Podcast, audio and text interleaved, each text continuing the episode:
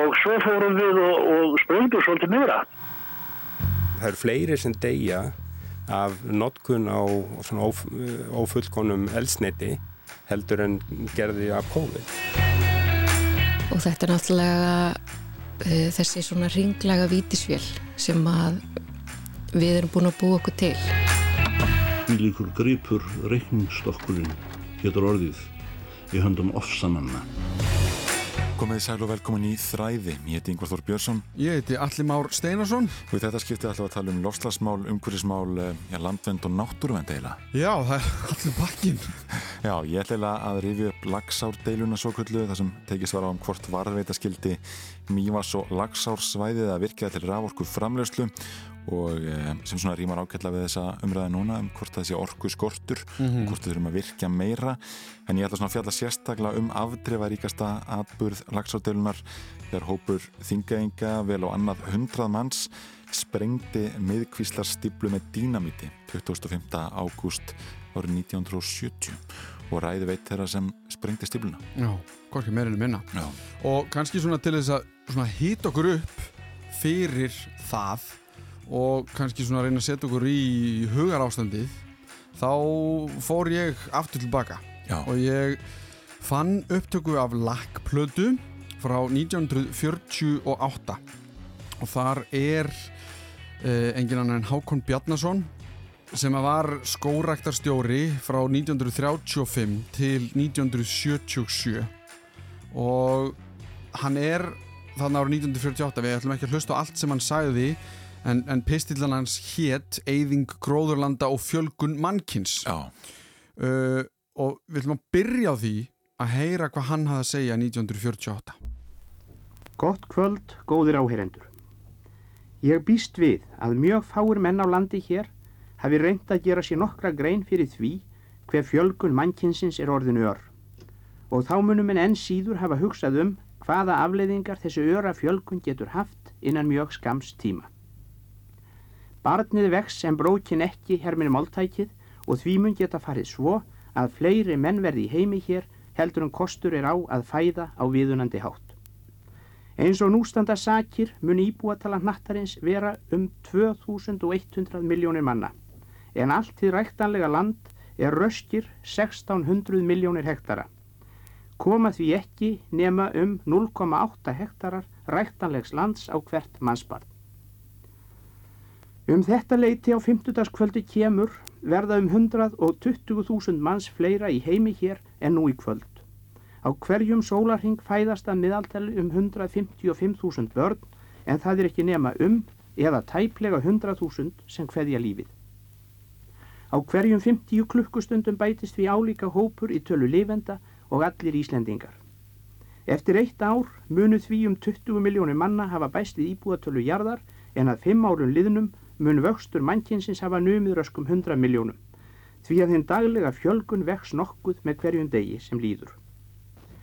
Árið 1975 munu því að líkjöndum vera meira en 3000 miljónir manna á nettinum í stað röskra 2000 miljóna nú og þá verður ekki nefnum hálfur hektari ræktanlegs lands á hvern íbúa jarðar. Við ætlum ekki halda lengra áfram með Hákon Nei. en þetta var alveg 20 eitthvað mínuna pistil það sem hann er eins að fara yfir þetta og, er, og bara svona aðeins til þess að teika það sem hann sagði að því að hann nefndi að árið 1975 erðu við 3000 miljónir sem er 3 miljardar að það kom sinni ljós 1975 að við vorum 4 miljardar við vorum ennþá fleiri en hann var að gera ráð fyrir. Já, já, það er mjög áhört að þessi verið að tala um þetta á þessum tíma, þetta er náttúrulega það sem við verið að tala um núna á kopp ráðstefnunni hvernig við höfum áhrif á náttúruna og umhverfið. Já. Já. og það náttúrulega breytist ímislegt á þessum tíma.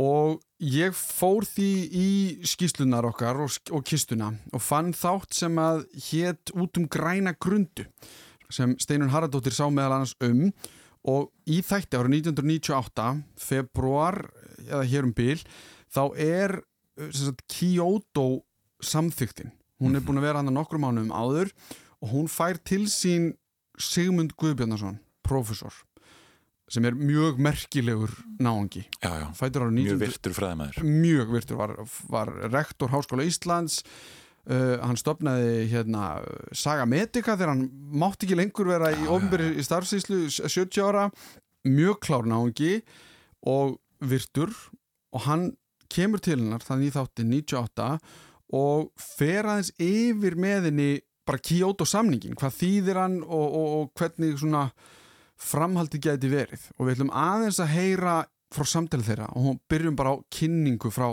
steinunni Nú í vikunni þá heldu landvend og framtíðastofnun eh, viðamikla ráðstefnu þar sem fjalla varum varnir gegn gróðrúsa áhrifum út frá ymsum sjónarhóttnum og eh, umræðefnin var eiginlega skipt niður í aðdraganda og niðurstöður Kyoto-fundarins. Síðan var spurningin hvað við getum gert hér upp á Íslandi. Og síðan var svolítið hort til framtíðar þar sé að hvað mun framtíðin beri skauti sér hvað þetta varðar Nú, profesor eh, Sigmundur Guðbjarnason, hann tók síðan að sér að draga svolítið saman svona það helsta sem að honum fannst aðtiklisvert í því sem þarna kom fram og hann ætlar að miðla okkur svolítið af því.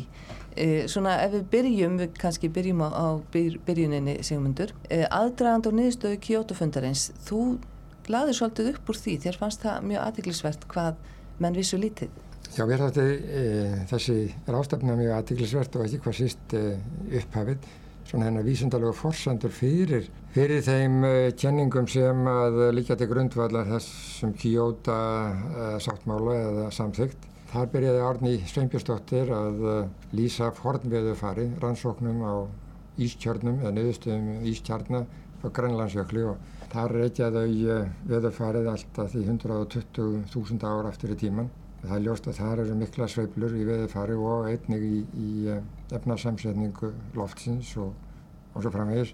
Og þau geta sínt fram á fylgni á milli efnarsamsetningarina, kóltvísýrings í loftinu og hlínunar eða kólnunar. En uh, það er jáfnframt verið bent á það og á einhverjum veðurfræðingum að það æðið margir aðrir þættir sem koma við sögu.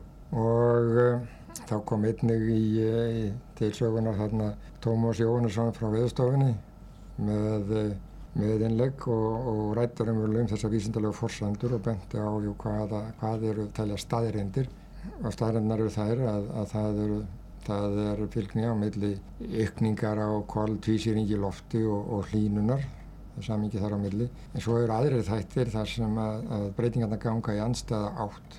Og uh, hann vakti svona aðtegla á því að það væri sannlega enn tíu ári í það að menn teldur eh, sér geta stílið og stýrt til fullnöðstu hvernig þessum hlutum væri að háta og, og svona í mínum huga þá verður mann að draga svo sem rökrættar álektanir af þeim fórsöndu sem þeir hafa en fórsönduna virðast ekki vera tæmandi þar að segja að það verðist vanta tölvöld mikið í myndina ennþá. Þannig eru þetta vísna menn margir hverjir mjög varkárir að, að full er það að hlutinni séu svona en líkurnar eru á að þær séu með þessum hætti en, en sem sagt myndin er ekki nógu skýr ennþá og, og mikið af þessi sem að, að liggvöldi grundvallar eru tilgátur og, og kenningar sem að hafa reyndar ekki verið sannaðar að fullu.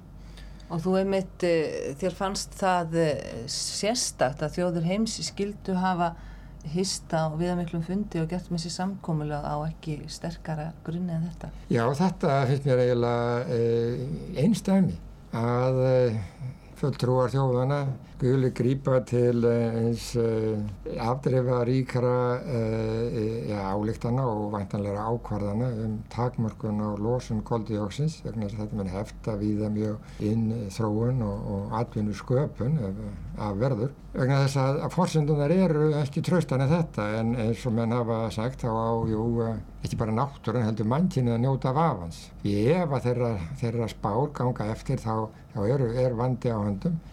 Það er mjög áhört að við séum alltaf einhvern veginn að ræða það eh, á hversu sterkum vísindalegum grunni mm -hmm. lofslagsmálun eru. Ég veit það og, og það sko, auðvitað er þetta viðtal kannski bart síns tíma. Menna, þetta er 98, þetta, þessi umræða er einhvern veginn hvað slíta barnskónum ef, ef við getum orðað þannig. Já, já, það er 24 ár síðan. Já, 24 ár síðan og hann er auðvitað bara bræðast við einhvern veginn þeirri heimsmynd sem er þarna. Þannig að það kannski getur komið okkur spánst fyrir sjónir að heyra sumt af þessu en þannig er bara staðan eins og hún er. Já, já. og mér finnst mjög merkilegt það sem hann segir tíu ár, þannig að við skiljum almennilega hverju gangi, það er líka mjög merkilegt það sem hann segir varandi jöklana að, að það eru komnar einhverja sannanir fyrir áhrifunum sem þetta er að hafa þá. Það er bara kannski alveg búið að sanna nákvæmlega þessi okkur að kenna. Nei, nei, og ég vildi aðeins kanna hvað hefði gæst, hvað á hann við. Þannig ég fekk til mín Haldur Þorgesson fyrstan og hann er eh, formaður loftslags ráðs Já. hann er náttúrulega bara mjög reyndur í þessum fræðum. Hann er bæði skrifstofstjóri í stjórnaráðinu yfir maður stefnu mörkunar hjá loftslags samningi saminuðu þjóðana sem heldur um samningum Parísasamkominlægið Já, ég lofst þess að aðnáttúrulega að, að, að, að eh, íta við stjórnvöldum Einmitt. að passa það að stjórnvöld sé að standa sér ágætla í þessum málum Einmitt. og svo var bara lukka að hann þekkti Sigmundi, að þekkir Sigmundur er ekki dáinn en, en hann er alltaf komið til ára sinna hann er fættur á 1931 og ég fekk haldur til að koma til mín hlusta á þetta og svona aðeins setja þetta í samhengi Sko þetta er eh, mjög gaman að hlusta á þetta og, og, um, og að því að þarna er, er einn besti vístamæður okkar á þessum tíma. Mm -hmm. uh, og hann er að draga álitanar af því sem að lág fyrir þá.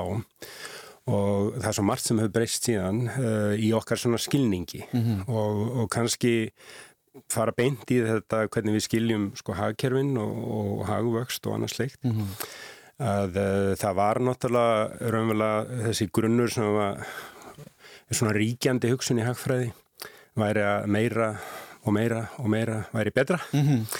og þetta var svona þenslu hagfræði uh, og hagvöxtur svona mælir þenslu, ekki lífsgæði. Mm -hmm. Það voru margir sem að stiltu þessu svona upp að þetta væri ykkur leiti ykkur val á milli hagvöxtar eða lífanlegur framtíðar á jörðinni. Já og það er mjög öllett að hann skuli spurja um þetta á þessum tíma. Það sem við gerð síðan eh, er að viðbröð við lofslagsvá er raunverulega krafturna bak við hagvöxt í dag. Þetta er ekki gert lengur að stilla þessu upp sem valkost. Þannig að það er mjög áhugavert að, að horfa bara tilbaka í þennan tíma. Já. En hvað að því hann segir sko það eru tíu ár þangan til að við getum skýrt til fullnustu það sem er verið kannski að tala um þarna í Kyoto og þessar álíktanir hann segir að þetta sé svona daldi á reiki hvað er hann að tala um einhvern veginn að við þurfum að skilja betur er það bara áhrifin sem koldioksiði hefur? Í grunninn snýst þetta um svona grundvallar elisfræði og efnafræði Já.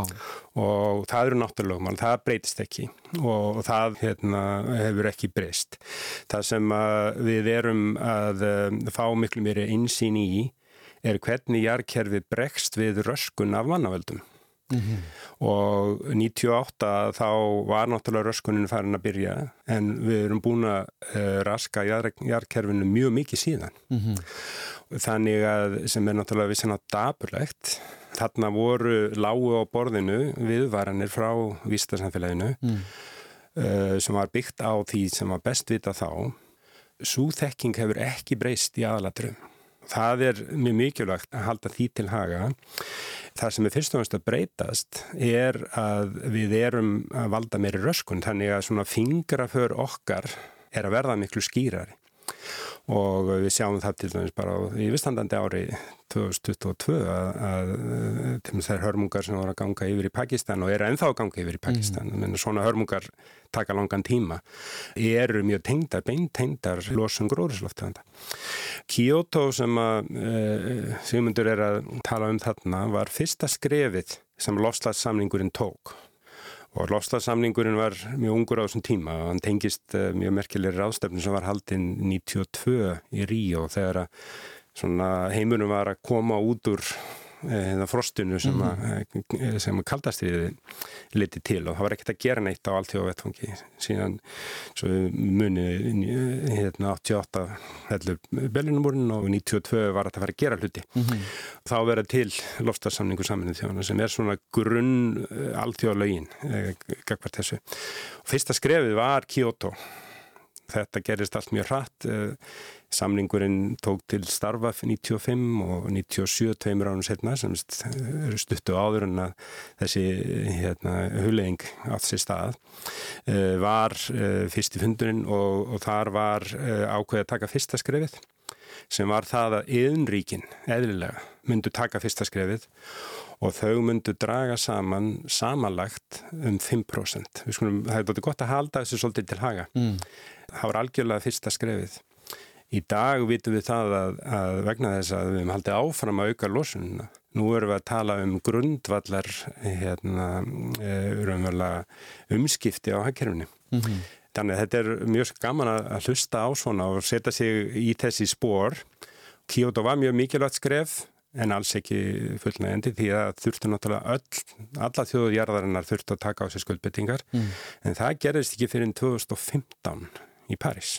En hins vegar líka vandi á höndi með að menn eh, draga svo mjög úr, úr eh, kannski hagversti víða um, um heim með slíkum aðgerðum. Mm. Og annað sem að kemur í ljósi sambandi við Kyoto samkomlaðið eða samþektina er að tróunaríkin verða ekki með þarna og fjölmennustu ríki veraldar eru alls ekki með í myndinni sem eru kynverjar og undverjar og þeir samanlagt er meira en þriðjungur af alls mannsins en ef þegar þeir fara að, að, að innvæðast í meiri mælum verið hefur þá, þá er ekki gott átt að því hvað, hvað verður með alltaf þessar samþyktur og, og, og svona eftirfylgni á, þeim mang. Mm -hmm. Þannig að þetta er, er, er, er mjög spennandi tímar. Það fóttum við líka aðteglisvert að, að heyra í íslensku fulltrúanum hinnum sem að voru þá að fjalla um það, já hvað getur við gert? Og þá eh, kom þarna fulltrúan frá uh, og rætti um, um þetta gróðurhúsa áhrif og stóriðju. Og auðvitað þessi stóriðju áform sem að, að menn hafa og stóriðju drauma sem að, að þetta margir binda vonir við. Og það er sko stílinlegt að, að menn séu treyið til að, að draga þau áformin og fyrirreitin og, og lofórðin tilbaka og, og til þess að vart geta það en þannig að þá er komið kannski öðrum þáttum sem að, að um, það er auðveldara að grípa til aðgerða og það fljóðlega. Sko hvernig er þá niðurstaða Kyoto fundanins? Hvernig var framhaldið? Sko framhaldið mótaðist uh, mjög mikið af raunverulega því að, að hagkerfi Sovjetiríkina hrundi mm -hmm. Og uh, þannig að það dró töluvert úr uh, losum frá því hagkerfi. Það var mikið sóun sem eh, ríkti þar.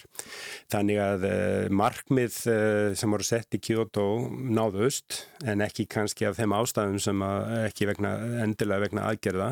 En Kyoto sett í gang líka mjög mikilvæga aðferðafræði sem er að viðskipti með losunarheimildir og kólumnismarkað mm -hmm.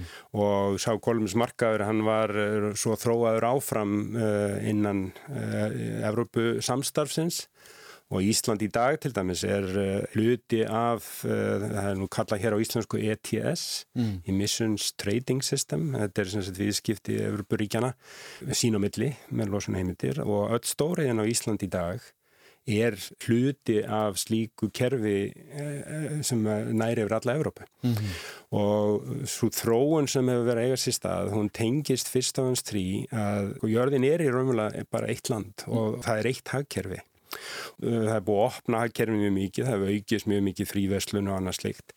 Þannig að, að horfa á vandamálið út frá því hvað gerist innan landamæra eins lands eða annars er mjög takmörkuð sín. Þannig að það er farið að horfa miklu meira, frekarn að horfa á löndin, mm. þá er farið að horfa miklu meira á svona grundþætti hagkerfisins. En er ekki sko að því hann nefnir Kína og Indland Já. 98 Já. og við hlustum líka á sko hann hérna 48 Já. Og ég hlusta á líka á annað efni sem þá sem við hlustum ekki á en, en þar eru þessi lönd sem eru bara strax þarna orðin, við sjáum hvert þau eru að fara. Fólksfjöl, hvernig fólksfölgunin mun verða. Skektist ekki þá myndin þegar að, að við verum ekki að tala um landamæri en við höfum síðan aðeins verið að tala um landamæri samt af því að þessi lönd eru svo ótrúlega fjölmenn og stór. Ég skekkist þá ekki myndin þegar að hagvöxtunum fyrir gang innan þessara landa sem eru svona stór? Jú, sko, niðurstæðin er kannski ekki svo sem að kannski maður myndi halda. Og, og, og, og þá held ég að sé bara mjög mikilvægt að, að muna það að gróðrúsaloftegundir þegar að fara út í andrúrstötu, við tölum bara um koldíosí sem er náttúrulega mikilvægast gróðrúsaloftegundin, hún er þar mjög lengi.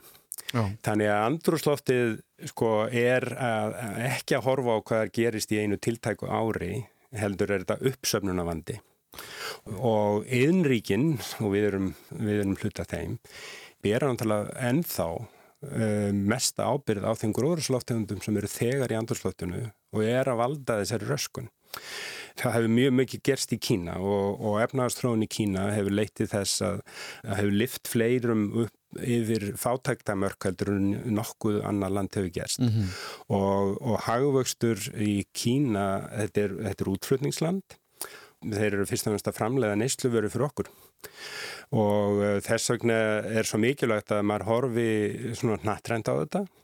Indland er í svolítið annari stöðu, þar eru mjög áhugaverði hlutir að gera. Bæði Kína og Indland standa mjög höllum fæti þegar að kemur að afleggingum. Mm -hmm. Það er umræða sem var ekki mikið upp á borðanum í Kyoto á þessum tíma sem við erum að rifja upp. Mm -hmm.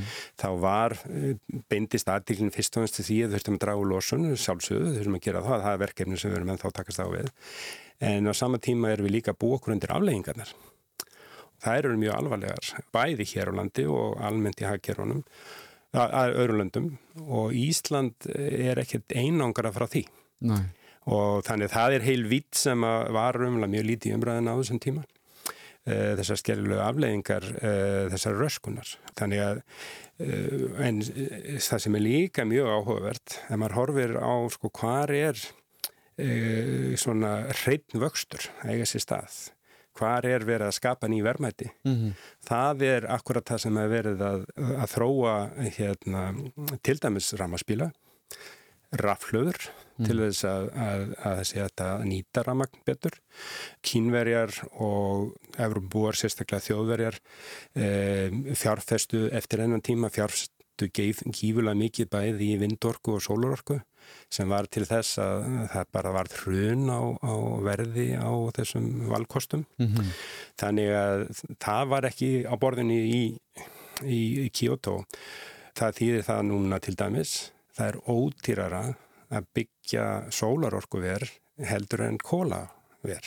Mm -hmm. Og það er stýttist í það að það sé eh, ódýrara að loka kólaverum vegna þess að það eru mjög dýrir ekstri og byggja sólarorkuver í staðin.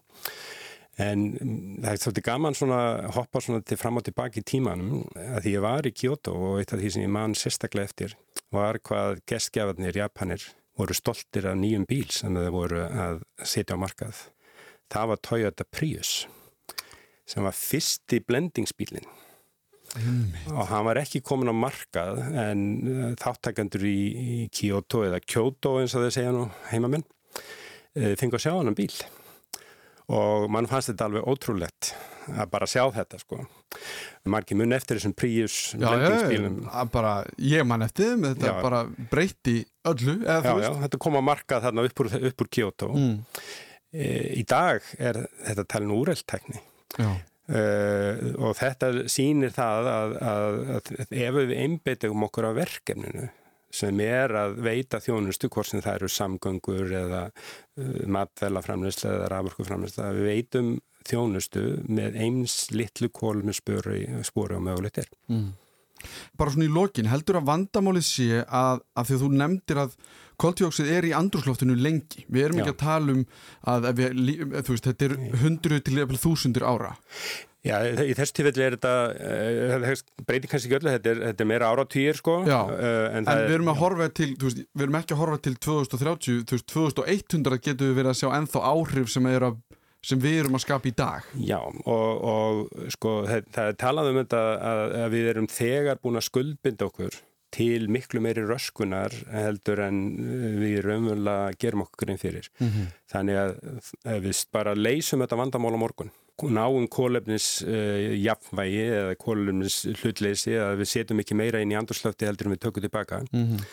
Þá mun röskunin halda áfram í 10-20 ár. Og, og það sem er skjálfilegast er uh, hækkun sjáabors uh, vegna þess að þú snýr þenn ekki við. Nei.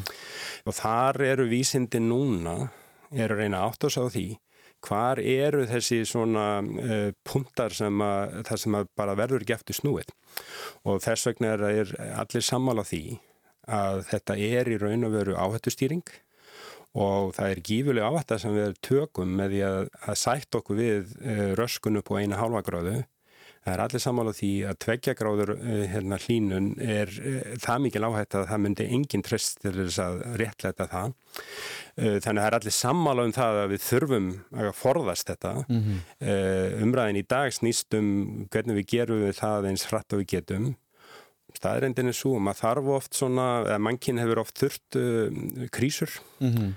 og, og sem leiða þá til sigra og ég hef sagt það, ég held að, að um, þó þessi hörmulegt sem er að gerast í dag uh, uh, í Úkrænu og því svæði að þá gæti þetta verið raunverulega svona endalók uh, kóla, uh, og gas tímumbilsins Við verum aðt okkur á afleggingunum, þessum skadlegu afleggingum og það er ekki bara, sko, þetta ekki, snýst ekki bara um gróðrúsa áhrifin. Þetta snýst um, það eru fleiri sem deyja af notkun á ófullkonum elsniti heldur en gerði af COVID hver einasta ári. Og, hvað mennur með því? Bara menguninni? Já, mengun, bæði innanhúsmengun og, mm -hmm. og mengun utanhús mm -hmm. veldur ótímanbærin dauða af fleiri heldur en COVID gerði og síðan uh, hérna auðafi uh, sem að uh, verða til af sölu hérna ólíu, fyrst og finnst ólíu og gas eru notuð til að fjármagna hernað ekki bara í Ukrænu, líka í Jemen. Mm -hmm. Þannig að sko ég held að sko svona, hvað segir þessi nattrænu áhrif orkukerfisins er að verða okkur miklu ljósari og við erum að gera okkur grein fyrir því og það sem er góðu hretnar í þessu að reyna orkukerfið bara býður hann eftir okkur. Við þurfum bara að byggja það. Þar hefur það yngvað minn, það eru fleiri sem deyja af völdum brennslu á einhvers konar ófullkomnu eldsneiti heldur en dó á COVID Já, og hverju ári? Það er alveg átrúlegt og, og uh, líka áherslu að við erum að bera þetta saman við hennar pistil frá tíund ári til síðustaldar mm -hmm. hann segir að, að við erum alltaf að valda meiri röskun og fingraförun er alltaf að verða skýrari Já, sem er náttúrulega bara, já og þú veist, mér finnst bara svo nært að dæmi þetta með COVID að því að sko hversu mikið á kvolf Já. fór samfélagið okkar í COVID. Og nefni það er mitt að við þurfum einhverjar krísur til að verða einhverjar breytingar sem hægt er síðan að breyta í sigra eins og norðaða. Já, og eina sem sko, við tölum líka um svo sem var ekki þarna var að ég spurði en verður þessi krísa of djúb? Já. Þú veist, af því að krísunar sem hann reyndar átti við líka þarna var Ukrænu stríðið og, og Jemen eins og hann segir þá er komst sko samingi á áhrifin sem þetta hefur já, sko. já, þetta já, er ekki bara loftslag, þetta er allskins aðri hlutir og setur þetta þessi samingi við sko bara hvað er þetta að gera okkur bara jörðinni og, og mannfólkinu. Og, en, en síðan var náttúrulega bara spurningin þetta með við getum þennan þessa einu og hálfu gráðu ef þetta verður tvær gráður þá eru er fæst sem að geta sko sætt sér við það að við komumst einhvern tíman út úr því sko. Mæni, það vil lengin. Það vil lengin. En það er eitt í viðbót að því að sama ár og í sama þætti þá kom eitt stykki átni Finnsson Já. sem að eh, er líka í loftslagsráði í dag en málega er að ég fór náttúrulega að pæli hvað hefur Ísland gert mm -hmm og í þessum pistli árið 98 að þá er hann að tala um uh, sko aðeins að fara yfir að við sem land viljum fá undanþáur undan þessum samningum eða þessum samþygtum, við viljum fá einhvers veginn ringa leifin sem við höfum til útblásturs á þessum efnum. Laga þetta mjög að okkur. Já, svona pínu.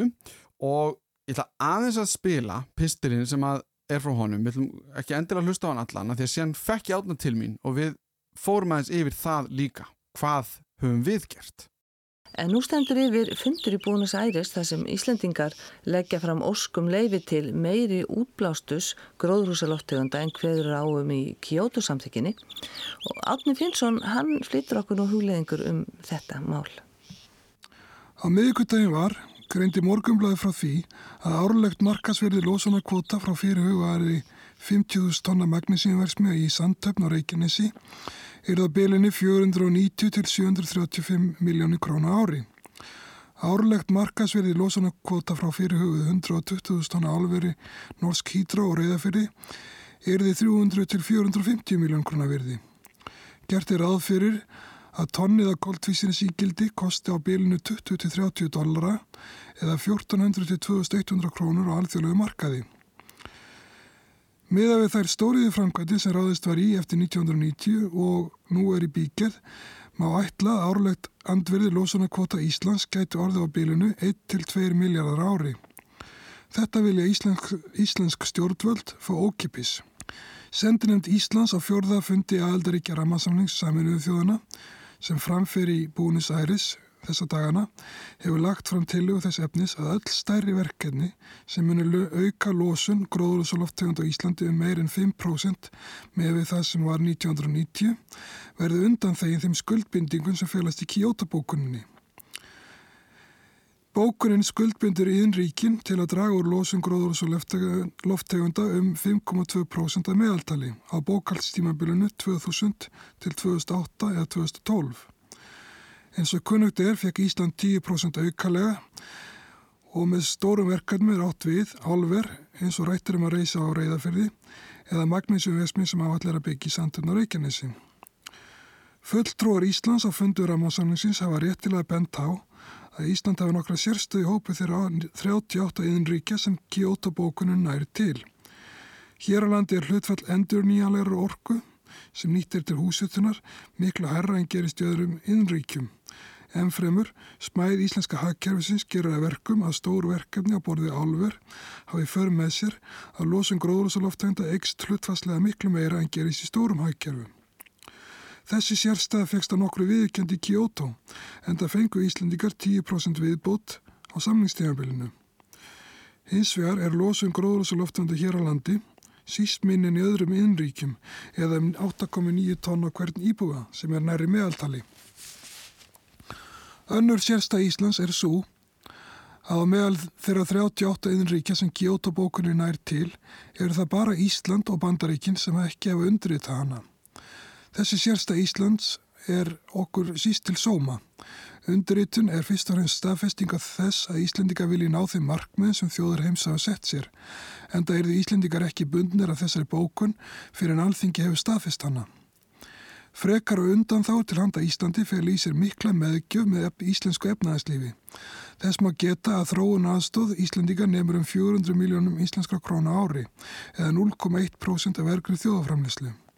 Saminuðu þjóðunar hafa samþygt að eina ríku þjóður heims leggji fram 0,7% af vergrið þjóðaframlislu og önnu Norðurlund eru á flest á því róli.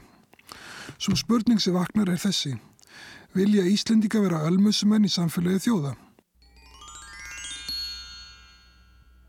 ef við förum aðeins í það sem Sigmundur Guðbjörnarsson er að segja já. hann segir, það eru tíu ári það að við getum skýrt til fullnustu hvernig þess er háttað já. Ef við reynum bara að sumera upp sko í stuttumáli kannski það sem að hann er að segja og hvað hefur síðan gæst í kjölfarið Já, ég leiði mér nú að fara hans lengra aftur mm. og mér fannst það ekki nógu vel að sér sko varðandi niðurstöður Millaríkja nefnda saminuðum þjóðana um lofstafsbreytingar, IPCC. Mm -hmm. Það kom skýsla út 1995 og þar var þetta orðað svo. Þegar allt er tekið saman þá bendir til mm -hmm. að lofslega hlínunni er það sé að völdum manna mm -hmm. og þetta var sem sagt um, á fyrsta skýslan þetta, þetta eru gríðarlega vel unnar skýslu þetta er ekki vísendamenn sem að sem að eru að, þinga um sín eigin vísindi svo leiðis heldur mm. er þetta fyrst og reynst að vísindamenn eru að fara yfir þær greinar þar skýslu sem út hafa komið og hafa hlotið eh, jafninga skoðun eða peer review mm -hmm. og þegar 95 ef ekki fyrr þá leikur fyrir nokkur ljóst að Við erum að hafa áhrif á andrúsloftið, mm -hmm. hlínum þess og svo er framhaldinu afleðingar sem að erum að sjá kannski mikið meir í dag. Það eru skóarbrunnar, það eru flóð, Pakistan í ágúst, við séum greiðarlega flóð hérna mm eða bara hrun, niður fjall og, og eðurleiking á segðisferði. Við fannst það ekki nú... Hvað afdráttalöðs? Afdráttalöðs, nei, við fannst það ekki. Nei, en ég upplýði þetta kannski svona smá sem barnsins tíma Já. af því að í dag erum við enþá að hugsa um peninga mm -hmm. og hagkvæmni, hagvöxt mm -hmm. á móti eiginlega kólminsfótspori. Yðnaður hefur náttúrulega gríðarlega mikil áhrif á útblástur og allt þetta. hann, hann situr svona smá á girðingunni ef við erum að beinþýða enn stóra tiltæki. Og ég var alltaf erfitt með að setja mig inn í sko uh, hvernig viðskiptalífið var 98 Já. þú veist hvernig Ísland er 98 Já. og þess vegna fannst mér mjög áhugavert það sem þú kemur með í kjölfarið Já. sem er þinn svona pistill sem snýst um undan þáur sem við erum að sækjum í sem Ísland er að sækjum einhvern veginn í þessu kristallaðist sko þessi tókstreita mm -hmm. af því að við erum lítið land ég man einhvern tíðan þegar ég fór á eigilstaði mm -hmm. og hitti krakka þar sem að fóröldra þeirra unnu í virkjunni mm -hmm. og minn skilningur komandi frá Reykjavík að var bara, mér fannst Káranhúkjavirkjun vera bara, þú veist, eitthvað glabræði eða eitthvað, bara vera eðalega einhver náttúru en þau voru ekki saman máli af því að þar skapaðist atvinna, þar skapaðist svona tækifæri mm. og þannig að maður sá það eins og svona öðru, öðru ljósi mm. þessi undanþáa 98 mm. og þessi stóriðja sem kemur hér í kjölfarið sko, kannski betra að segja strax að, að sko, Simundur Guðbjarnason var einn virtasti vísindamæður landsins Mhm. þekktasti allavega fyriröndi rektor Mhm. Háskóli Íslands þannig að hann kem í útvarpið og, og sagt, tæki það í mál að lofslagsbreytingar verið að gerast. Mhm. það var náttúrulega ákveð, svona um, statement sko, uh, svoleiðis að, að sko á þessum tíma þá er Íslandst atvinnulíf þetta kom fram á það var nú fyrst að nefna ráðstöfnu sem, sem að, að var rétt fyrir Kyoto-fundi 97 þar sem að Merkfrængafélag Íslands og framtíðastofnun sem að líka var hérna í lok mars Mm. í, í þá ráðstöfnum með landvend áhyggjur manna snýrust fyrst og fremstu það að það get ekki byggt að það get ekki byggt upp stóriðu Mhm. í landinu ef að, að niðurst að Kyoto er þessu að, að það er skorið þvert yfir og ekki tekið tillit til hversu mikil áhrif á uh, svona uh, flöt, flatu niðurskorur hefði á lítil ríki eins og Ísland sem að og það ég, ég skil þessi rauk sem málefnilegu rauk að, að, að uh, við eigum ekki að þurfa að, þessum straukin sem voru þá farið fram að fyrst og finnst uh, samtökum atvinnlýsins, verkfræðingum og svo einhverjum ráðurum líka að við erum að fá að nýta okkar fallorku Já. til að geta öðlast þessa hagtróun Það er þessi, þessi, þessi gam, gamla dæmi um að orkan okkar sé svo hrein að við megum þá í raun menga Já. aðeins meira fyrir vikið. Já, og, Ef við einföldum þetta já, mjög. Já, og, og það var einfald að ennfröka með að segja að ef við ekki fáum það að búa til uh, léttmálma með okkar hreinu orku þá kemur það niður á lofslæginu í, í framtíðinu sem að sko þannig að þetta voru mjög ein, mikla einfaldanir Nú er þetta kannski erfið spurning til að svara Já. en árið 98 Já.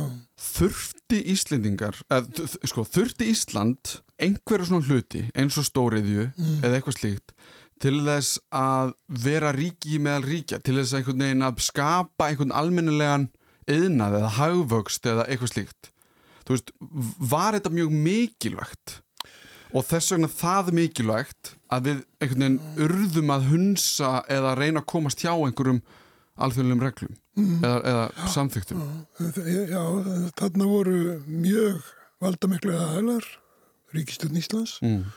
auðvitaðríkistráðarinn og fórsettstráðarinn atvinnlífið bara í heild sem sögðu þetta, þetta var mjög mikilvægt ef maður vitur eftir á þá Karunukavirkjun hefur ekki skilað neinum arði heiti geti Mhm. og nærið því setti landsvirkjun á hausin eftir hruni hérna 2008 af því það er alltaf gaman að geta litið í baksinspilin og, og svona endur með til hlutina Já. frá þessum tíma og frá þessum pisli þínum Mm. hvernig höfum við sem land staðið við þessa hluti?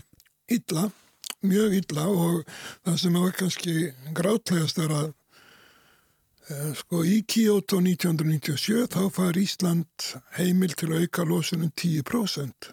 Þegar undanfáðan kemur þá fáum við leifi til að skilja frá aukningi stóriðu á fyrsta skuldbindingatembilum kannski óþur að segja frá því hér en, en sem sagt þrátt fyrir við hefðum fengið þessu undanfáðan þá fylgtum við upp í þessi 10% fyrir lók fyrsta skuldbindinga tímanbils Kyoto-bókunan sem leið eh, sem var þá til 2012 ne, já, 2012 við gerðum ekkert eftir að undan það fjækst þessi undan það var á vissan átt mjög skadli vegna árið 2012 þá er losun Íslands komið í, í 110 en ekki 100 mm -hmm. með að við 1990 og þá er erfir að draga úr losunni og e, e, vissulega er stóriðan ekki undir þannig að sko þetta er ekki bara stóriðan en, en þau, þeir geirar sem við erum núna ábyrg fyrir þeir fengi að vaksa líka eins og eins og vegasamgöngur eins og úrgangur. Það, það var ekki, það voru engar aðgerir eftir að stjórnvöld hér hafði engan áhuga á loslasmálum nema fyrir það þau ætli að fá þessu undan þau settu mikla peningi það, það voru margir starfsmenn umhverfisráðuntis um, og auðarriksráðuntis og ráðherrar fóru út á söður til að um lönd til að fá skilning fyrir þessu íslenska ákvæði eins og kalla var en fyrir utan þetta þá var áhugið þeirra á lofstafsmannum engin. Þannig á þessum 24 árum Ég er að segja það já að kannski fram að 2017, 2016 þegar Björn Ólafsdóttir verður umhverfistráðura þá leið íslensku ráðmannum bara mjög vel og hérna hugsaðu ekkert út í þetta. Þeir svona 2017-18 þá sjá þeir að þeir eru ekki velstattir þegar það þurfa að draga lósun en það var engin undirbúningur komin og við erum ennþá e, fremur ítla stött. E, núna er komið ný nálgun hjá ríkstjóninni það er svo kvöldur geira nálgun í samfunnu við atvinnlífið ákvæmlega geira atvinnlífsins þetta er ný nálgun. Mm og árið er að vera 2023 skuldbindingan tegumbil Parísasamkólinsins hóst fyrir tveim ára árum síðan næstu því mm -hmm. uh, 1. janúar 2021 og við erum ekki enþá komin í starthólunar það kannski gerist í april á næsta ári en, en, en sko við, við, við erum ekki við, þetta er sænst mótel mm. gott með það en, en sagt, það tekur alltaf tíma að komast í gang og atvinnlífi hefur ekki, bara reynilega ekki mikla reynslu. Það eru örf á fyrirtæki sem hafa gert sér einhverja skýra áallunir um, um samdrátt í lósun frá sinni starfsemi en uh, sko eiginlega er þetta bara viðkvæmt mál í stjórnarhagðan. Kanski svona í lokina heldur að það sem er að gerast í Úgræni núna að þá, við finnum það þau sem gera bíl á bensíni og slíku sem er að hækka heldur að það breytist eitthvað og heldur að, að við og ríkistjórnunar sé að breytast varðandi þessi mál núna þegar við sjáum svona svart og hvítu hvað er að gerast? Og, og þetta er ekki, þetta er ekki hvað segir, maður, þetta getur ekki gengið til lengdar. Getur svaraði þannig að, að sko ég vissum að innan stjórnarhansins eru margir sem að eða mjög margir sem að, að áttasveit í að við þurfum að taka skarpa beigju til að draga úr lósun og það er líka til þannig hausar í atvinnlífunu. Við bara höfum byggt okkur inn í mikla losun trátt fyrir þetta við vitum það þegar árið 1995 að það er til vandamál sem heitir lofstafsbreytinga. Og já, ég held að skilningur sé og það sem er gerist með Úkrænistriðinu er að Putin getur beitt því sem vopni að þjóðverðar höfðu nánast sett sér í kjöldu hans með, með kaupum á, á gasi til orguframleyslu og, og til húsittunar og hvað ekki er. Og það gerur kannski fleiri ríki og, og, og euróska efnasvæðið í Evrópu, það er ekki Ísland en í Nóri hefur orkan hækka líka dráttur tansi bara gríðarlega rammansframleysla og menn sé að kynnta húsu með rammagni, menn það vegna þess að markarinn er eitt, þannig að eftirspöldin hefur áhrif í Nóri eins og hann hefur áhrif í Þískalandi eða Svíðjóð mm -hmm. Og um, það er alveg óvægt að segja að Evrópsk, Evrópusambandi, svo ég segi þetta bara skýrar að, að Evrópusambandið í fyrra skilgreinir gas sem græna orku til að byrja með mm. já, sem sagt uh, í lofstafspakkanum sem að Evrópusambandið samtykkir þá er gas græn orka til bráðabera til bráðabera já, hún meldur losun já, já. Já, en minni losun heldur en, miklu minni heldur en kólinn og minni en óljan en, en samt sem að hún veldur losun. Þeir byggja sig inn í e, orkukerfi sem veldur losun. Já, svona svipa á við bara. Já, svo við með bílana. Já. Eða, já. Og þetta voru greiðarlega minnstök, það sjáu þetta allir í dag. Mm -hmm. Og uh, ég er nú alveg vissum að, að sko, öll Európaríki eru að, leita leiða til að framlega orku með vindi, uh, sól og svo er kjarnorka líka á, á borðinu en í Svíþjóð til dæmis. En kjarnorkan er dýr og það það tekur mörg ár mm -hmm. að byggja ný kjarnokkuver mm -hmm. þannig að kjarnokkur sem slík er ekki laust uh, heldur miklu frekar orkusbarnaður og, og nýtingreitnar orku Þetta var Náttni Finnsson uh, einn af fulltrúum í loftlagsráði okkar, Íslands Já, lengi verið einn í þessum álum Mjög lengi. og þekkir þess að þróum vel. Já, alveg bara virkilega vel. Og samtala okkar var miklu lengra því meður þetta við náttúrulega að klippa það eins niður. Já, já. En eh, sko taldum orku sparnað og nýtunga á hreitni orku þá rýma það ákveðlega við það sem ég ætla að fjallum Já, hérna. nú er aðeins meira aksjón Það er aðeins meira aksjón, ég ætla að, að rifja upp lagsárdeiluna svo kvöldu það sem tekist ára um það hvort varðveita skildi mývas og lagsársvæðið eða einmitt virkja til raf orku framleiðslu uh, og, og sko velum að beina einn að sjónum sérstaklega að uh, afdrifaríkasta atbörunum í þessari deilu þegar hópur þingæðinga vel á annað hundrað manns sprengdi miðkvíslar stíplu með dínamíti 25. ágúst árið 1970 sem var sérstaklega einn þryggja kvísla lagsár þar sem áinn fellur úr mývatni en stíplu var hann rétt uh, neðan við útfallið en sprengingin og deilan er svona talin marka þáttaskil í íslenskri náttúruvendarsögu en í framhaldinu var fallið frá áformum um frekari virkjanir og, og lögsettum vendun, lagsár og, og mývats og ég syns að rætti við eh, eitt þeirra sem tók þátt í að springastífluna Jón Benediktsson bónda á auðnum í Lagsárdal en eh, sko frásagnar af sprengingunni eru ekki varvettar í sapni Rúf mm en hins vegar eru til upptökur Stefáns Jónssonar útvarsmanns frá því þegar þingeingar ógu í 200 bílalest til Akureyrar 18. júli árið 1970, sérst mánuði fyrir þessa sprengingu og heimamenn afhendu þar bæjastjórn Akureyrar eh, einhver svona mótmála plagg getur sagt, það sem saði meðal annars að erði haldi áfram að augra þingæðingum skapaðist hættu ástandi hér aðeins sem getur reitt til óhapa sem þeir gætu ekki búrið ábyrð á. Úf, og okay. Stefán lísti aðstæðanum þarna og rætti við tvo bændur, það er Gunnlaugur Gunnarsson og einmitt eh, Jón Benediktsson sem eh, já, ég rætti síðan líka við eh, núna öllum þessum árum síðar.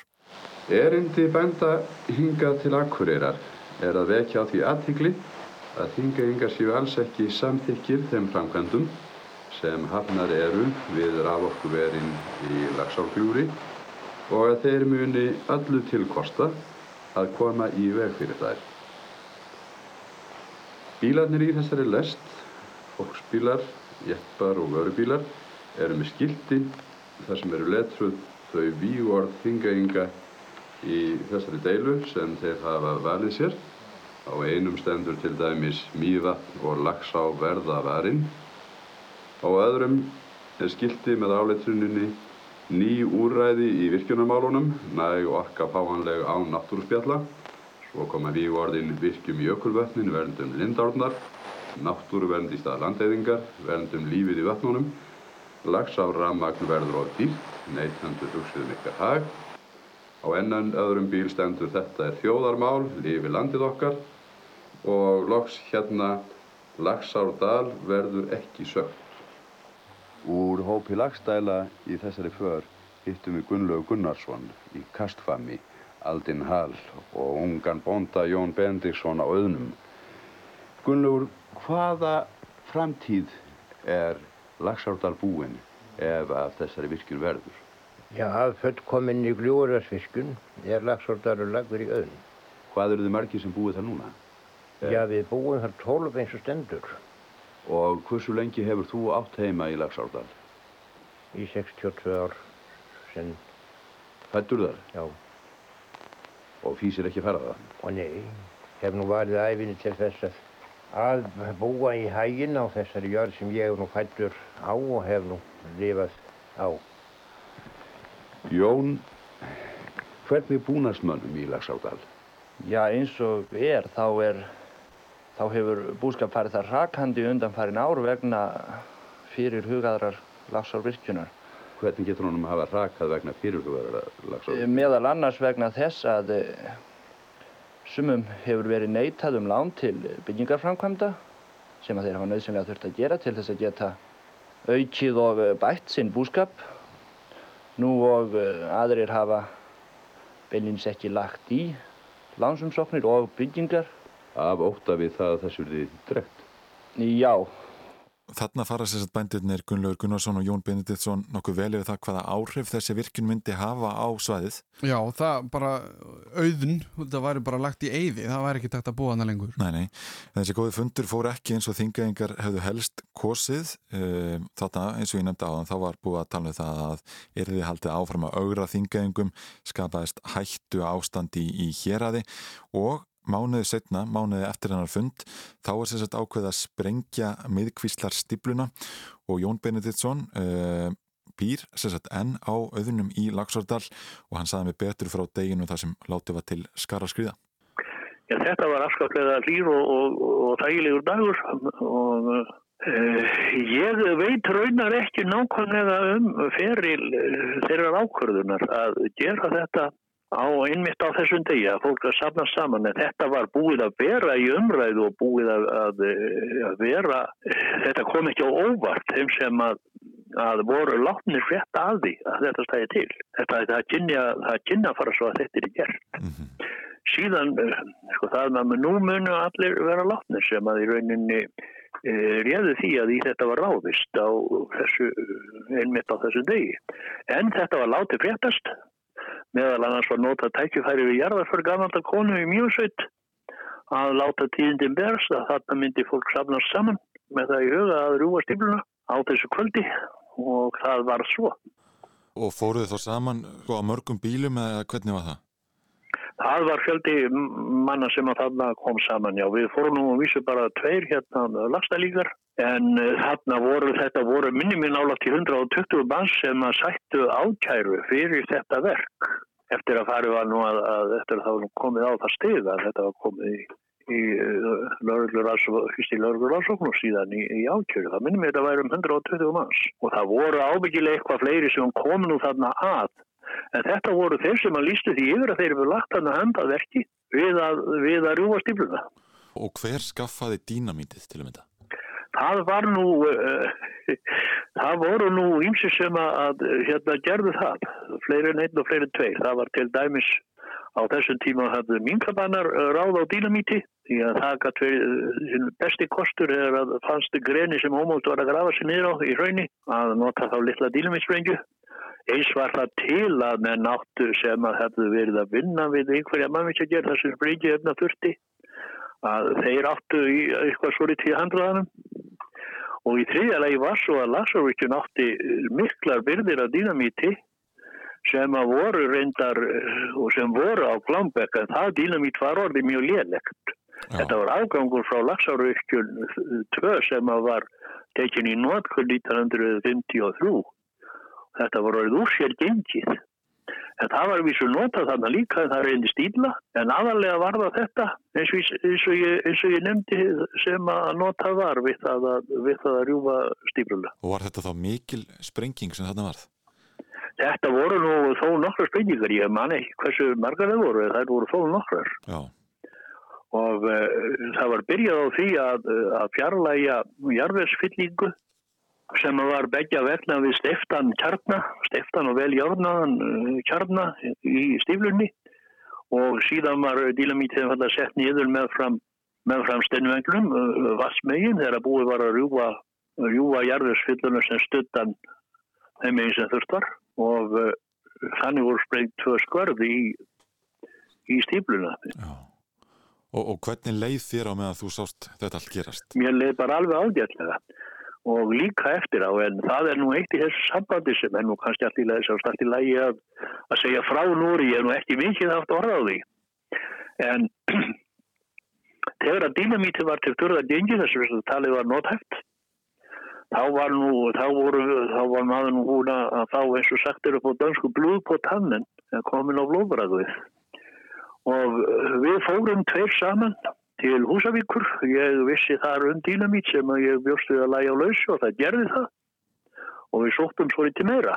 Þegar við, komum, þegar við komum upp eftir aftur þá var lögreglan farin og afturði kyrkt og þarna hafði beðið eða á Arnarvatni raunar hafði beðið eh, nokkur um manna hópur eftir því að við kæmum tilbaka og svo fórum við og, og spröngum svolítið meira þetta var, þetta var nú ekki mikið sem við fengum en eh, þetta var nú í tvær uh, bombur til viðbótar og uh, þá var uh, þá var þessi, þessi karfin orðið það stór að sem þekktu, þekktu til töldu að nú væri orðið svipar einsli í kvíslinni og var meðan að hún rann þarna á náttúrulegu á náttúrulegum fórsöndum. Já, þannig að þið hafið klárað verkið.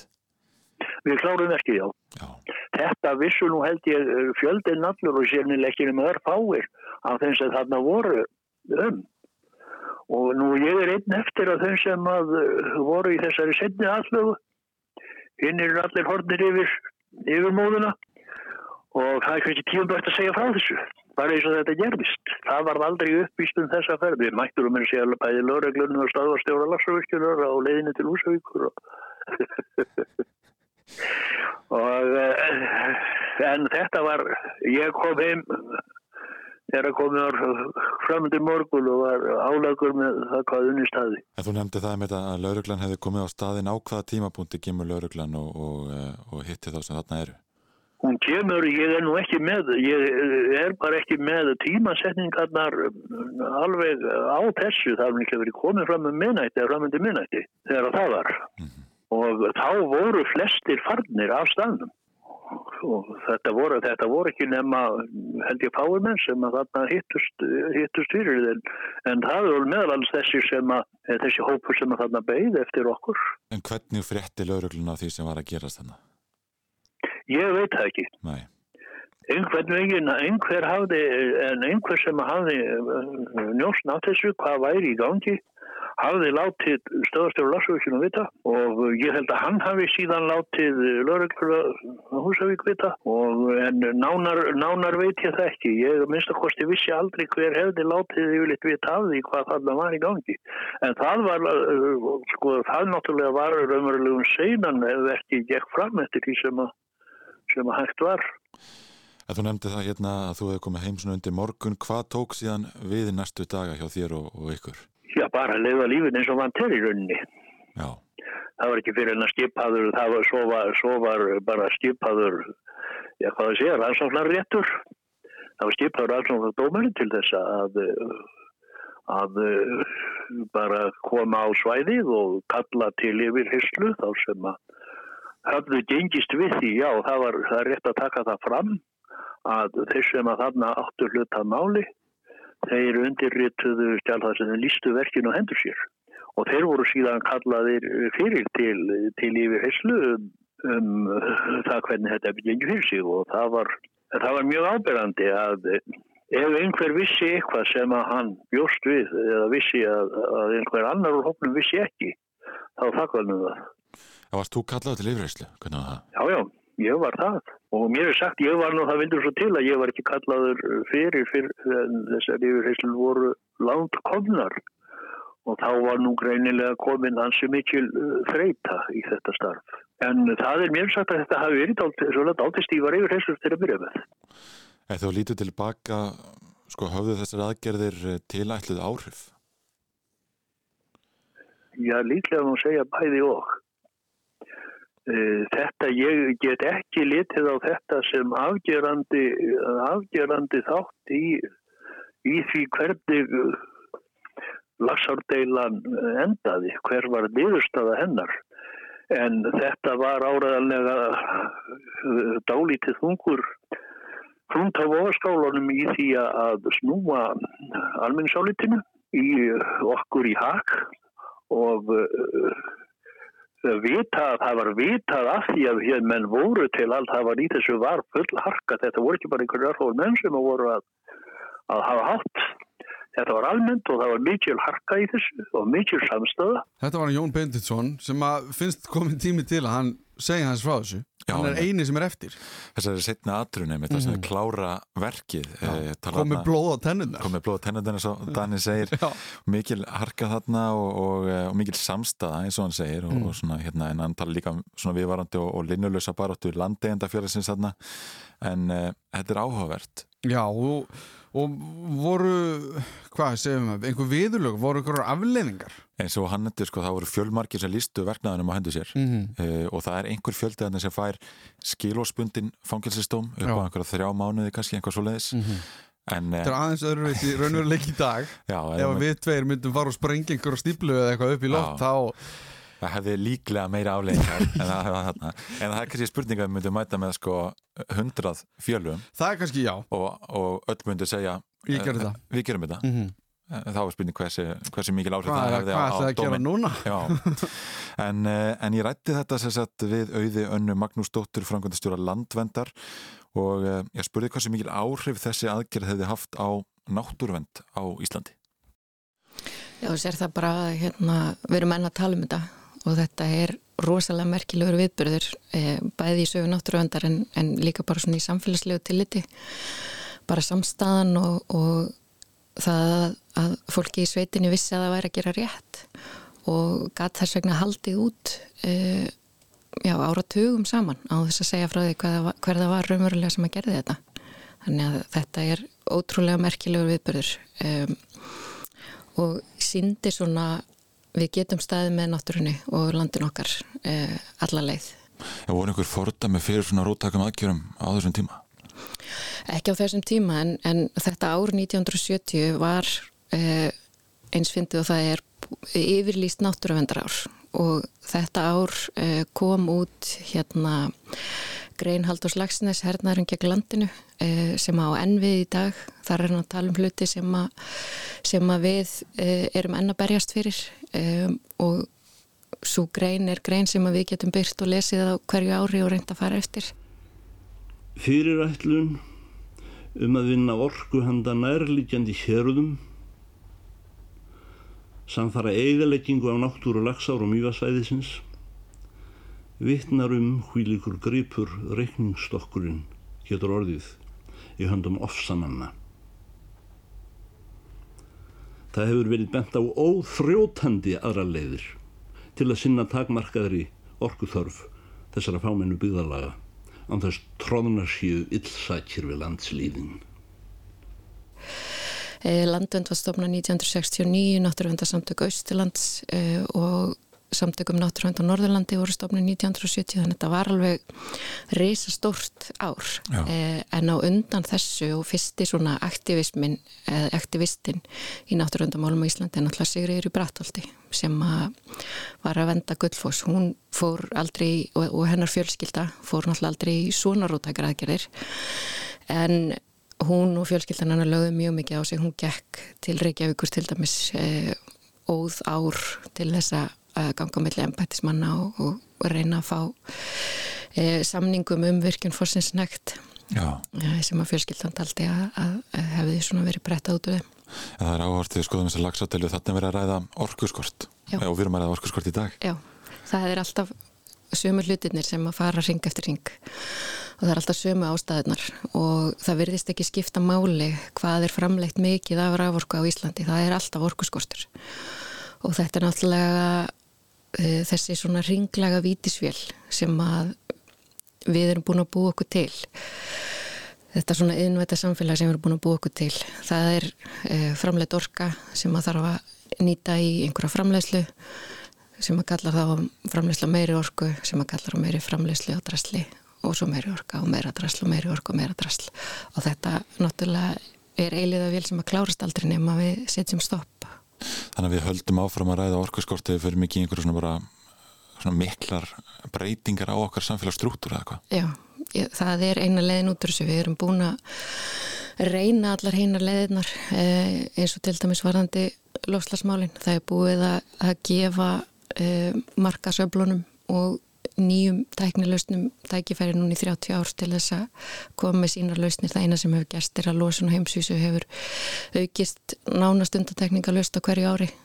Það er náttúrulega mjög skemmtilegt að, að skemmtilegt, það er svona forvinnilegt að heyra, hún er að tala um þetta kerfi sem Átni Finns var eiginlega líka að tala um sem við erum búin að byggja eða setja upp og já. við erum einhvern veginn först inni.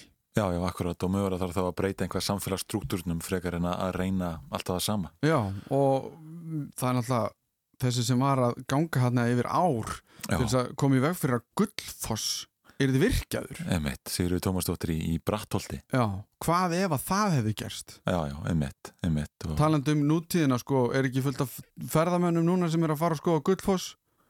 Já, já, emmett. Skilur, þetta er, þetta er svona áhært ef maður hugsa alltaf aftur, aftur í tíman, sko, að einhvern tíman var pælingum að virka, já, að því okkur vantæði orku.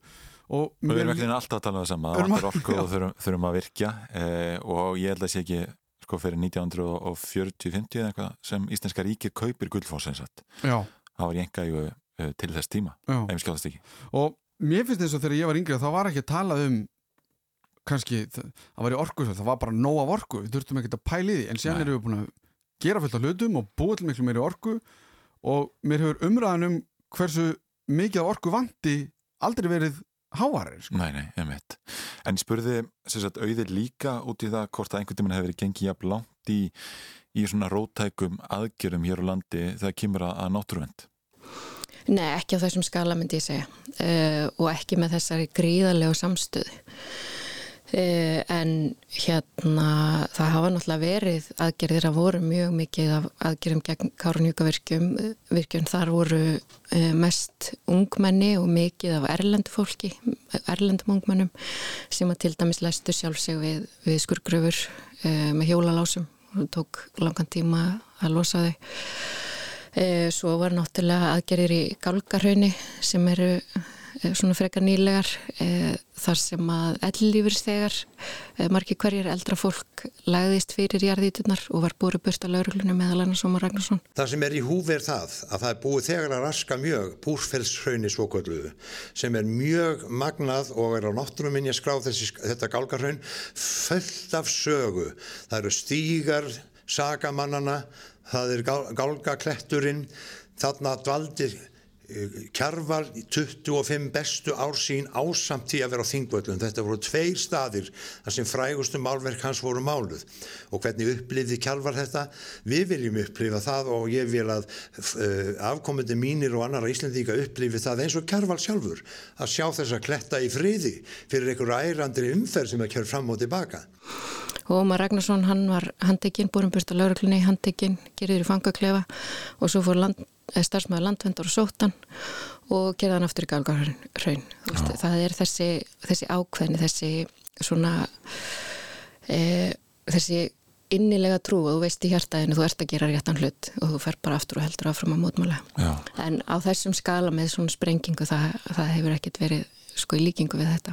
Nei, en hvernig veist við þorfum almenning svo kannski stjórnvölda líka til náttúruvendar og landvendar og umhversvendar hafa brist á, á síðustu áratöðum Ég myndi segja að það var tvær stóra breytingar. Það er enginn til dæmis, eða maður hefur mjög sjaldan heyrt talað um mývetningana e, í sambandi við einhverja öfka. Fólk hefur dást að þessu e, fundistu bæði vera samfélagslega og, og svona umhverfislega e, þingjandi haft, haft hérna, sterkar skoðanir og, og hérna, staði með sjálfum sér og landinu sínu. En yfirleitt þegar er verið að tala um náttúruvendafólk þá eru við kölluð öfgafólk uh, þó að við förum ekki einu sinni í direkt eða svona, svona beinar aðgerðir. Uh, og það hefur breyst og er orðið mjög hatramt uh, í dag. Hefur náttúrulega verið þannig síðast leginn 20-30 ár kannski og um, í öðrum löndum þá eru náttúrulega náttúruvendasinnar, það eru 20-300 náttúruvendasinnar sem eru drefnir hverju ári engungu fyrir að berjast fyrir, fyrir e, umhverfunu mm.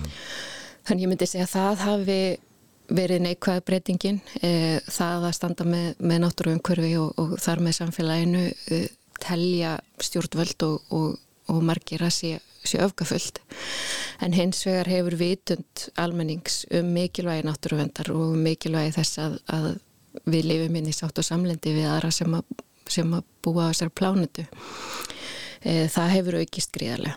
Já, og ég vona að það sé svona það sem að koma skall og, og að almenningur og líka stjórnvöld skilji að það er ekki öfgafullt að vilja að við getum búið, búið hérna á þessari plánutu næstu þúsund árin. Til minnsta. Það er áhört við að horfum til Breitlands til að mynda þar eru aðgjera sinnar eh, hvaða loftlagsmálum var þar að, að, ganga til dæla langt í sínum aðgjörum með skvættamálinga á, á, á málverk og eh, stoppa umferð og annars líkt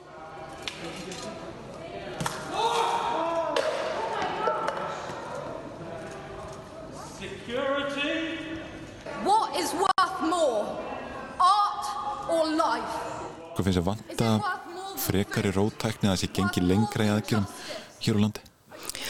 Uh, mér finnst það persónulega og það eru margir sem að telja að eina leiðin til að ná fram einhverjum raunverulegum breytingum það séu uh, non, uh, sagt, ekki ofbildisfullar en samt beinaræðgerðir óbeinar aðgerir þá þegar þú ert að skrifa og ringja og byggja fólk um að hefða sér vel og fræða fólk og svona.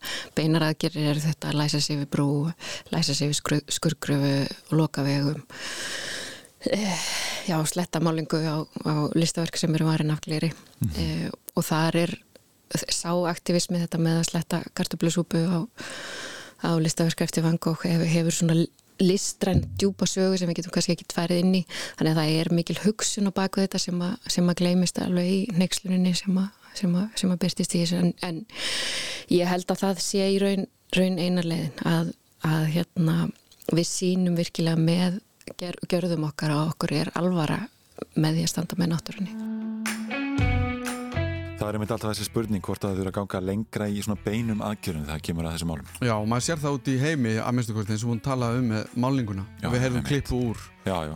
Á, security. Það, já, það er security. En það er mikilvægt líka að muna sko að að því að fólk verður þetta að vera mjög reitt yfir því að, því að það held að vera eidilegge einhver mjög gömul málverk að það er náttúrulega gler fyrir fram á málverki og þetta var svona meira symbolist heldur en eitthvað annað. Já, já. Og það er nú kannski ekki beinar aðgeri sem uh, vera núna á, á COP heldur frekar einhvers konar stefnumótun. Já, og COP er sérst ráðstefnan sem var að fara í, af stað í dag. Já, já, einmitt. Hefur komast eða ekki lengra með þræði í dag verðum við náttúr næsta sundag frá klukkan 11 Já, við erum í öllum spilurum og, og hlávarsveitum og hvar sem hægt er að hlusta á okkur. Takk fyrir í þetta skiptið, heyrums næsta sunnudag